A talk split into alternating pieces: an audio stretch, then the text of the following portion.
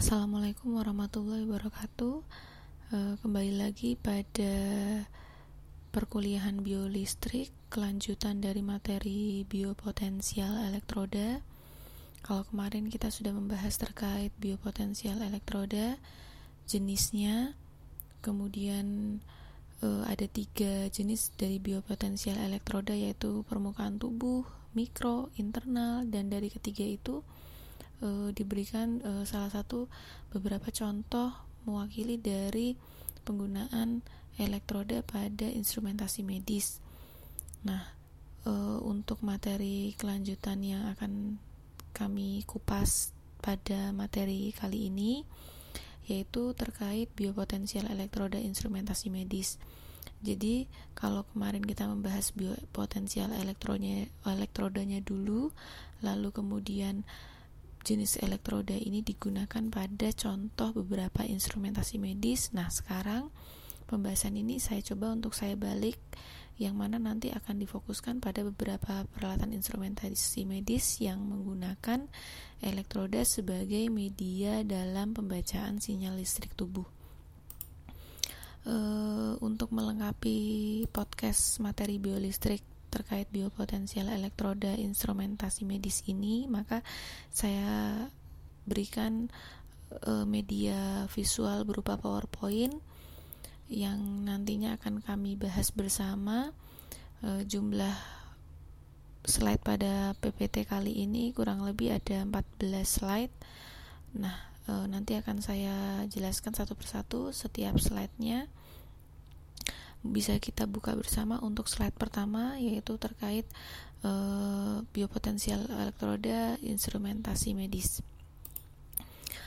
Nah, e, dalam beberapa aplikasinya, aplikasi klinis dalam pengukuran biolistrik tubuh di instrumentasi medis ini ada banyak. Nah, ini saya mencoba menjelaskan dari e, beberapa instrumentasi medis tersebut, e, yaitu ada e, EMG, ERG, EOG, EEG, sama EKG. Satu persatu akan saya bahas. Yang pertama terlebih dahulu yaitu terkait EMG uh, apa itu EMG uh, kepanjangan dari EMG adalah elektromiogram ya jadi kalau dari kepanjangan ini mungkin kalian bisa menangkap bahwa ini merupakan salah satu instrumentasi medis yang mana menggunakan elektroda dan elektroda ini dipasang uh, untuk fungsinya untuk merekam adanya aktivitas listrik pada sel otot. Jadi elektromiogram berarti fokusnya oh berarti ini menangkap aktivitas listrik pada sel otot uh, eh, EMG atau elektromiogram ini uh, merupakan salah satu instrumen mengukur ya instru, instrumen pengukuran atau metode pencatatan potensial otot biolistrik selama adanya uh, aktivitas atau adanya pergerakan otot. Jadi metode pencatatan potensial otot ini memanfaatkan adanya pergerakan otot yang mana untuk mengukur adanya aktivitas atau biolistrik pada sel otot. Digunakan untuk apa alat tersebut? Digunakan untuk apa EMG ini? Tentunya sebagai media informasi terkait aktivitas e, kelistrikan otot. Gerakan otot yang berkaitan dengan satu potensial aksi inilah yang nantinya akan e, ditangkap atau direkam oleh e, biopotensial elektroda ini sebagai e, informasi untuk alat instrumentasi medis EMG ini. EMG ini bisa digunakan untuk mengukur sel otot tunggal maupun pada beberapa serat otot. E, elektroda permukaan yang diletakkan pada permukaan kulit inilah yang nantinya akan e, mengukur adanya isyarat listrik dari sejumlah unit motoris. Nah, sebelum saya menjelaskan lebih lanjut apa itu yang dimaksud dari penjelasan saya sejumlah unit motoris. Nah, kita beranjak ke slide ketiga yaitu terkait EMG. Di situ saya memberikan e, gambaran dari alat EMG. Nah, di situ terlihat bahwa digunakan adanya biopotensial elektroda berupa elektroda jarum ya yang di masukkan ke dalam permukaan kulit Nah, apakah EMG ini memiliki salah satu jenis biopotensial elektroda sajakah? Nah, e, beranjak pada slide keempat, e, saya melanjutkan terkait e, pernyataan saya bahwasanya elektroda permukaan ini nantinya akan diletakkan pada permukaan kulit untuk mengukur adanya isyarat listrik dari sejumlah unit motoris. Nah, kalau di gambar itu saya memberikan gambaran bahwa ada elektroda jarum ya yang dimasukkan ke dalam kulit untuk mengukur adanya aktivitas unit motorik tunggal. Nah, apa yang dimaksud dengan motor unit? Nah, itu motor unit di situ dimaksud adalah unit penggerak yang mana adalah merupakan uh, unit fungsional terkecil dari suatu sistem otot uh, saraf. Beranjak pada slide berikutnya itu slide kelima. Nah, uh, ada beberapa ada berapa jenis sih sebenarnya jenis elektroda yang digunakan pada EMG. Nah, ada di slide saya cantumkan ada dua jenis elektroda ternyata yang digunakan uh, pada EMG. Yang pertama adalah di situ saya tuliskan EMG intramuskular dan yang kedua adalah EMG permukaan kulit. Nah, EMG intramuskular atau yang disebut EMG dengan menggunakan elektroda jarum dan kawat halus ini e, untuk melakukan EMG invasif. Jadi elektroda berbentuk jarum atau jarum yang berisi dua elektroda kawat halus ini dimasukkan ke dalam e, jaringan otot melalui kulit. Sementara untuk yang jenis elektroda yang kedua ini EMG permukaan kulit untuk melakukan non invasif EMG. Jadi saya harap kalian sudah paham antara invasif dan non invasif ya. Jadi kalau dengan menggunakan EMG jarum dan kawat halus otomatis e, ini merupakan jenis EMG invasif.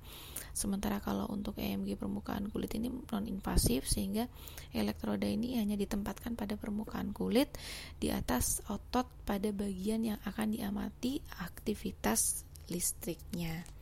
Jadi ini dua jenis e, elektroda yang digunakan pada EMG. Lalu kemudian pada slide yang berikutnya di situ saya berikan tambahan gambaran lebih jelas terkait elektroda jarum pada EMG ya. Jadi yang tadi saya e, memberikan pernyataan di awal bahwasanya e, elektroda jarum konsentris ini dimasukkan ke dalam kulit untuk mengukur adanya aktivitas e, unit motoris tunggal.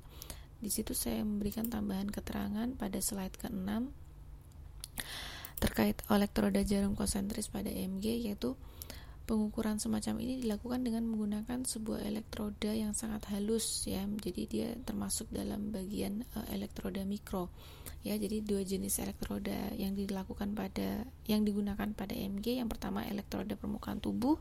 Dan yang kedua adalah mikro elektroda elektroda mikro berupa jarum yang mana nanti dimasukkan melalui uh, membran otot Terus kemudian kalau pada permukaan elektroda permukaan itu diletakkan pada permukaan kulit, elektroda jarum konsentris dimasukkan ke dalam kulit untuk mengukur biolistrik dari sel otot. Jadi e, e, biopotensial elektroda jenisnya yang di, yang digunakan pada alat EMG ini yaitu yang pertama pada elektroda permukaan, terus kemudian yang kedua itu elek, mikroelektroda berupa jarum. Nah, e, aktivitas sinyal EMG ya sebagai informasi aktivitas kelistrikan pada otot ya. Jadi EMG ini mengukur kontraksi otot. Nah, di situ pada slide ke-7 ya, ya slide ke-7 di situ saya memberikan adanya uh, proses pembacaan sinyal EMG. Nah, proses pembacaan sinyal EMG ini sebenarnya uh, muncul itu melalui beberapa tahapan proses. Nah, di situ uh, kita mengingatkan kembali materi tentang terkait potensial aksi ya adanya repolisa, repolarisasi depolarisasi seperti itu ada pertukaran ion Na dan K nah sinyal EMG ini timbul melalui ada beberapa proses yaitu melalui dari uh, potensial istirahat sel terus kemudian potensial aksi potensial aksi unit motor nah ini yang digunakan sebagai uh, informasi dari aktivitas uh, kelistrikan pada sel otot.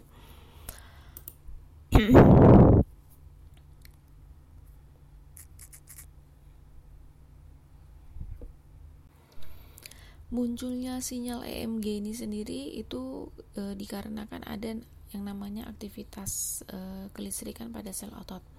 Jadi e, otot sadar itu memerlukan adanya potensial aksi dari serabut saraf untuk dapat melakukan sebuah kontraksi.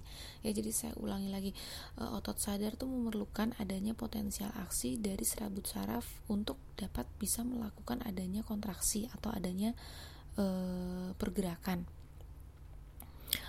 Nah, eh, hasil akhir dari proses ini itu yang dimaksudkan adalah adanya suatu kontraksi serabut otot ya. Jadi hasil akhir dari aktif untuk merekam eh, aktivitas listrik pada sel otot itu hasil akhirnya itu berupa adanya kontraksi serabut otot atau adanya pergerakan otot. Nah, unit-unit motor akan aktif secara berulang-ulang untuk menaikkan adanya eh, apa namanya menaikkan kecepatan. Kecepatan unit-unit motor ini eh, yang aktif kemudian menjadi aktif, menjadi aktif lagi. Jadi ada semacam tingkatan level keaktifan. Nah, kecepatan penem kecepatan inilah itu yang nantinya ada eh, apa namanya di dikatakan sebagai e, tingkatan kontraksi. Tingkatan kontraksi ini berdasarkan ada berdasarkan dari ukuran ukuran otot. Nah, tingkatan e, kontraksi ini yang ditangkap dari alat EMG ini yaitu ber, dengan satuan ada apa ber, dengan satuan dengan besaran frekuensi. Jadi e, saya saya pahami saya ulas kembali ya.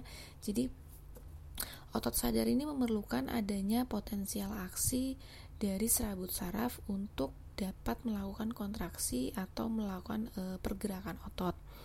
Nah, hasil akhir dari proses ini itu yaitu adanya e, pergerakan otot atau adanya kontraksi serabut serabut otot.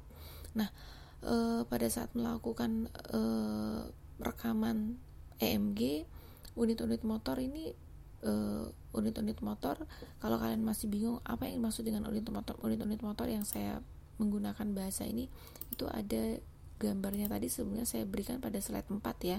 Jadi yang dimaksud dengan unit motor atau motor unit itu sebagai penggerak penggerak uh, suatu unit fungsional terkecil dari sistem saraf otot. Jadi adanya suatu kontraksi itu berawal dari adanya unit-unit penggerak terkecil yang uh, ber, yang dilakukan secara berulang-ulang sehingga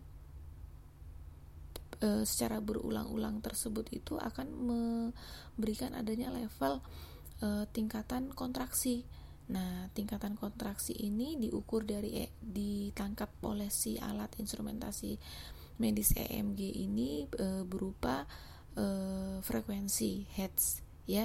Jadi besar frekuensi dari tingkatan kontraksi itu atau dari unit-unit motor itu adalah di antara rentang 5 sampai 50 Hz.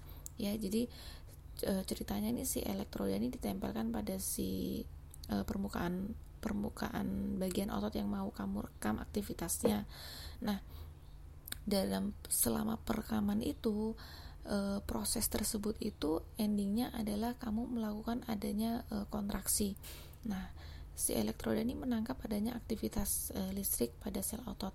Nah, e, hingga pada akhir kontraksi itu ada yang namanya unit penggerak. Jadi dalam serabut e, serabut saraf otot itu ada unit penggerak terkecil yang saya sebut sebagai motor unit itu dia selalu melakukan pergerakan berulang-ulang. Nah, pergerakan berulang-ulang ini memiliki tingkatan. Ya, jadi gimana tingkatan ini saya baca dari level kecil sampai besar nah alat ini dia membaca sebagai e, besaran frekuensi. Jadi ada rentangnya tingkatan kontraksi ini dari 5 sampai 50 Hz seperti itu ya. Jadi pengukuran semacam ini dilakukan dengan menggunakan sebuah elektroda mikroelektroda ya. Jadi bisa dengan mikroelektroda dan juga bisa menggunakan elektroda permukaan tubuh ya ya. Jadi ada dua jenisnya yang perlu kalian ingat dari dua metode EMG ini ya yaitu metode intramuskular atau metode permukaan kulit ini elektroda permukaan kulit ini lebih sering digunakan karena memang e, lebih aman dan non invasif itu ya. Jadi elektroda permukaan kulit lebih sering digunakan. Namun dalam penggunaan elektroda jarum itu menghasilkan sinyal listrik otot yang lebih baik.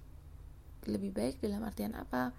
E, elektroda ini lebih lebih dekat e, diletakkan melalui membran otot.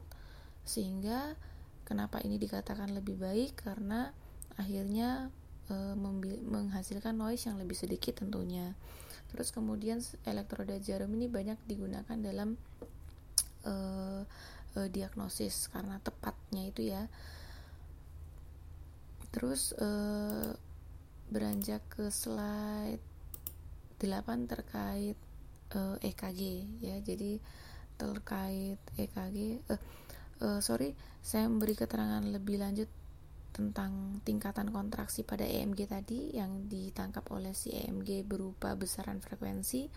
Jadi uh, gini sinyal yang terdeteksi pada permukaan kulit ini sebenarnya sangat rendah. Range-nya itu uh, bahkan uh, milivolt ya sehingga perlu dikuatkan e, beberapa kali sehingga karakteristik dari sinyal EMG ini mempunyai range frekuensi itu antara 20 Hz sampai 500 Hz. Nah, yang tadi saya jelaskan untuk e, ukuran besaran frekuensi pada tingkatan kontraksi itu kan tadi 5 sampai 50 Hz. Nah, kenapa ini dilakukan adanya perbesaran lagi karena uh, ini tadi.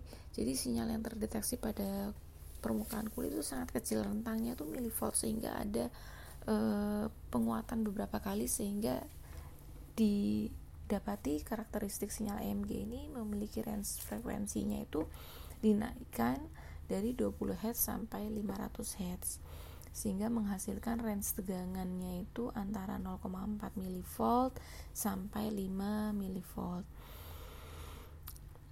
instrumentasi pencatatan bioelektrik untuk mengetahui sinyal yang disebabkan oleh aktivitas otot gerak ya. Jadi otot gerak ini merupakan organ tubuh manusia yang e, berfungsi e, menggerakkan suatu rangka seperti itu. Jadi e, untuk mengetahui sinyal EMG diletakkan elektroda sebagai media interaksinya. Jadi e, ini merupakan bagian dari e, penjelasan instrumentasi medis terkait e, EMG. E, kemudian ada beberapa kelemahan biopotensial permukaan tubuh yang digunakan EMG itu kenapa e, sel, meski biopotensial elektroda permukaan tubuh ini sering digunakan karena aman dan juga non invasif tapi memiliki kekurangan di mana e, lebih banyak noise ya. Karena sebenarnya sinyal yang ditangkap oleh e, elektroda pada permukaan tubuh itu adalah merupakan e, penjumlahan seluruh sinyal yang ada. Seluruh sinyal dalam artian e, elektroda yang ditempelkan pada permukaan tubuh. Misalkan ada tiga elektroda. Jadi saya mau merekam aktivitas listrik pada otot bagian lengan nih. Ada beberapa elektroda yang saya saya pasang di permukaan kulit pada bagian otot yang mau saya rekam. Nah eh, yang di informasikan pada instrumentasi medis EMG ini adalah jumlah eh, laporan atau jumlah seluruh sinyal yang dihasilkan oleh beberapa elektroda ini. Jadi nanti in, informasinya itu terkesan sinyal yang didapat itu terkesan seperti sinyal acak karena dia bersifatnya itu merupakan penjumlahan dari seluruh sinyal yang diperoleh dari si elektroda. Sehingga eh, akibatnya apa? Pada biopotensial elektroda permukaan tubuh ini meski aman digunakan non invasif kekurangannya adalah noise-nya lebih banyak karena ya ini tadi terkesan eh, sinyal yang diperoleh dari beberapa elektroda ini merupakan penjumlahan seluruh sinyal sehingga eh, terkesan seperti sinyal acak. Nah, ini yang memberi mem, menjadikan kelemahan pada biopotensial permukaan tubuh ini uh, lebih memiliki banyak uh, noise seperti itu ya dibandingkan dengan mikroelektroda atau berupa elektroda jarum.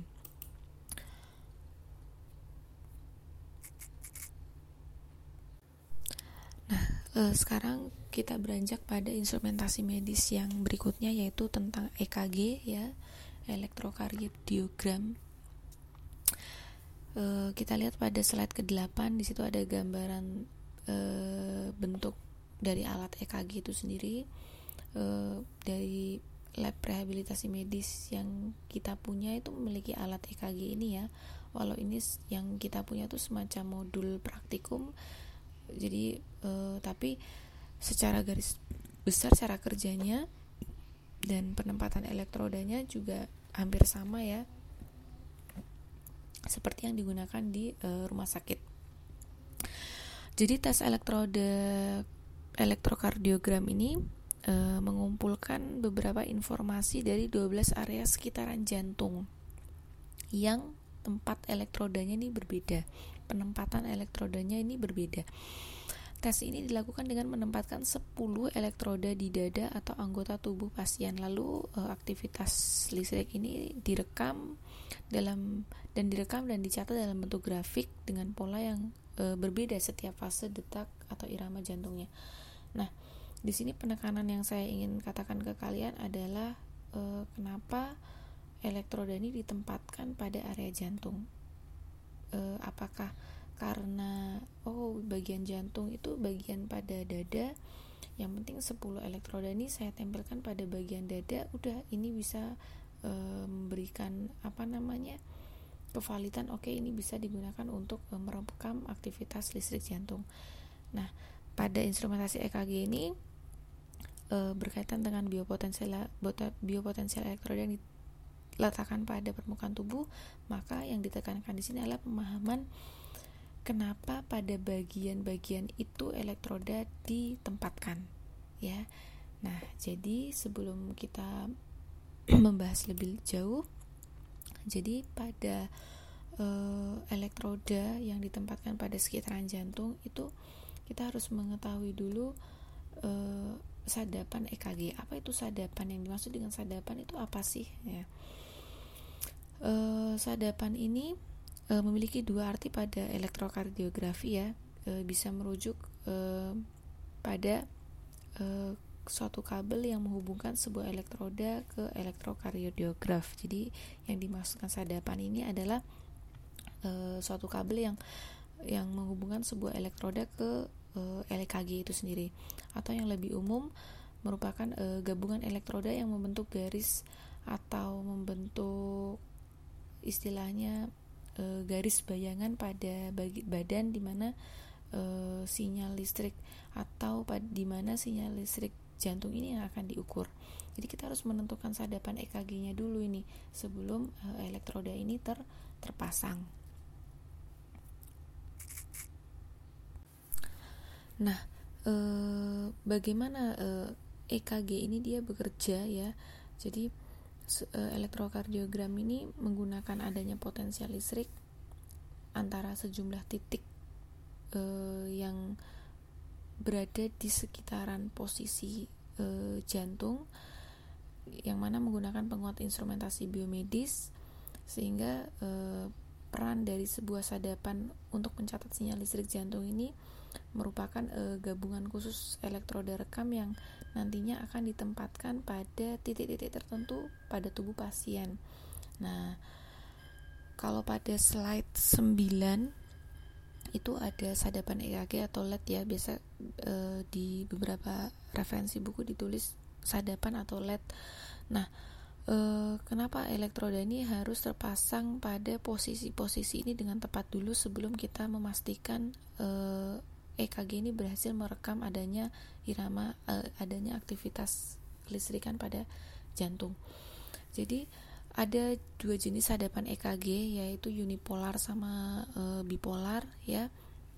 Kalau di itu saya buat uh, tabelnya tuh ada bipolar, unipolar sama uh, satunya lagi di situ di slide ke-8 ya ada prekordial, bipolar sama uni, unipolar. Nah, di situ LED-nya dari sadapan ketiga sadapan itu ditandai dengan uh, ada angka Romawi ya. Pertama untuk pro prekordial itu menunjukkan dari V1 sampai V6, terus kemudian pada bipolar tuh pada titik 1, 2 dan 3, kemudian pada unipolar seperti itu. Nah, yang pertama dulu untuk prokardial uh, apa yang membuat titik-titik ini menjadi uh, tempat si biopotensial elektroda ini tepat dalam mengukur adanya aktivitas uh, sinyal listrik pada uh, jantung. Nah,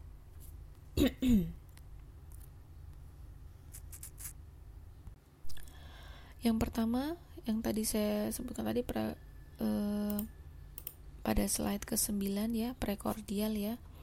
Jadi arah sadapan-sadapan ini berasal dari tengah jantung yang mengarah keluar secara radial ya bisa kalian e, dapat gambaran secara jelas itu pada slide ke-10 di situ bisa dilihat jadi arah-arah sadapan ini berasal dari tengah posisi letak e, jantung yang mengarah ke arah luar secara radial dan e, termasuk merupakan bagian dari sadapan prekordial Nah, pada slide ke-10 itu bisa dilihat bersama ya. Jadi kenapa e, pada biopotensial elektroda itu diletakkan pada posisi di dada dan ini tepat sebagai e, tempat elektrodanya itu ditempatkan. Nah, ini ada semacam apa namanya? E, arah atau e, e, posisi yang memang tepat yang di sini disebutkan sebagai sadapan EKG. Jadi eh, posisi-posisi biopotensial elektroda ini berdasarkan eh, sadapan EKG yaitu dari pusat posisi jantung kemudian e, mengarah ke luar sehingga itu yang dikatakan posisi-posisi yang tepat ditempelkannya biopotensial elektroda untuk EKG.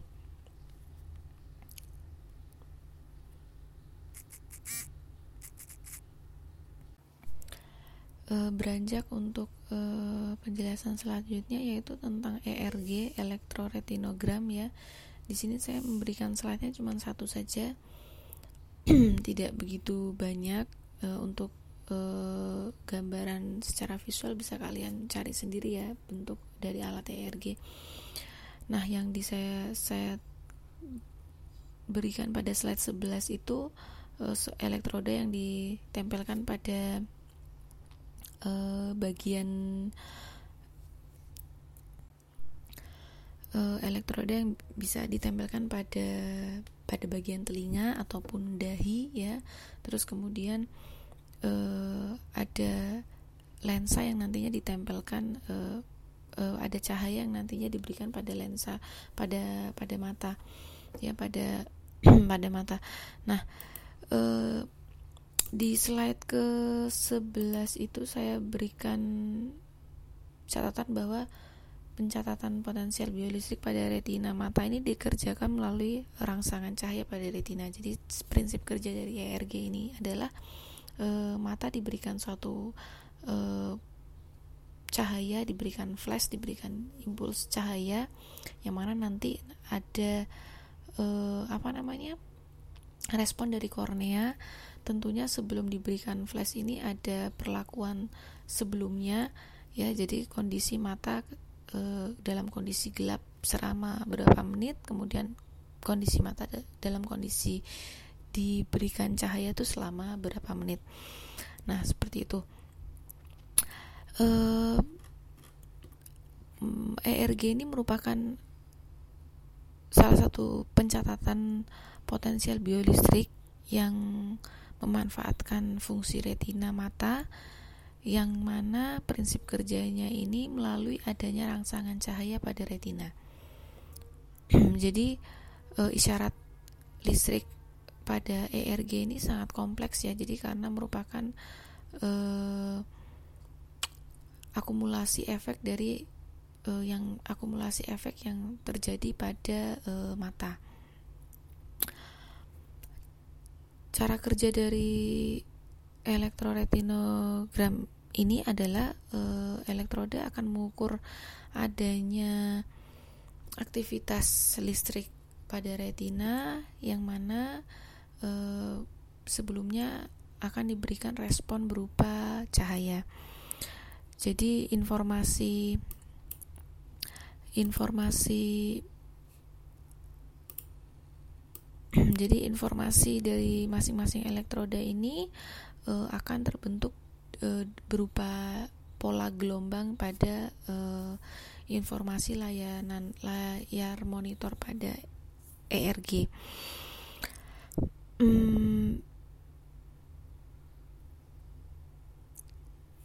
perekaman perubahan potensial yang dihasilkan oleh mata saat retina ini diberikan suatu berkas sinar satu elektroda diletakkan di lensa kontak yang pas menutupi kornea dan elektroda lain ini diletakkan pada telinga ataupun dahi eh, yang mana memperkirakan potensial di belakang mata. Jadi eh, alat ERG ini yang nantinya akan eh, diberikan adanya sinar eh, cahaya flash itu diletakkan tepat persis di depan posisi uh, bagian men untuk menutupi bagian kornea mata.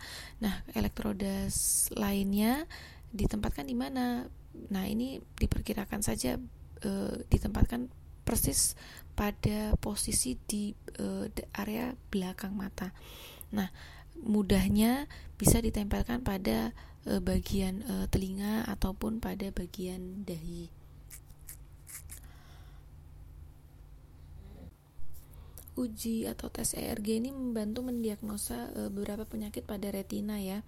Jadi e, dalam tes ERG ini sel-sel retina yang di yang dilihat ya kalau kita mengingat ada bagian-bagian pada e, struktur mata ya sel-sel retina ada batang dan kerucut itu akan melepaskan sejumlah kecil atau akan melepaskan adanya sejumlah kecil listrik ketika diberikan e, semacam kilatan cahaya atau e, sinar seperti itu. Jadi e, apa bagian batang apa sel sel retina sel batang dan kerucut ini akan akan melepaskan akan memberikan apa ya saya katakan sebagai melepaskan sejumlah kecil listrik atau percikan di mana ketika diberikan adanya e, sinar atau cahaya. Jadi kita tahu persis bahwa e, seberapa banyak cahaya yang memasuki mata dan berapa banyak e, respon e, listrik yang keluar ya. Kita bisa mengetahui bagaimana e, sel batang dan kerucut ini dia bekerja untuk mengambil listrik dari retina. Jadi lensa kontak khusus ditempatkan pada permukaan mata ya. Jadi lensa kontak di, e, khusus ditempatkan pada permukaan mata menutupi bagian kornea mata. Nah ini yang nanti fungsinya untuk melemparkan atau memancarkan sinar e, kilatan cahaya tersebut. Nah,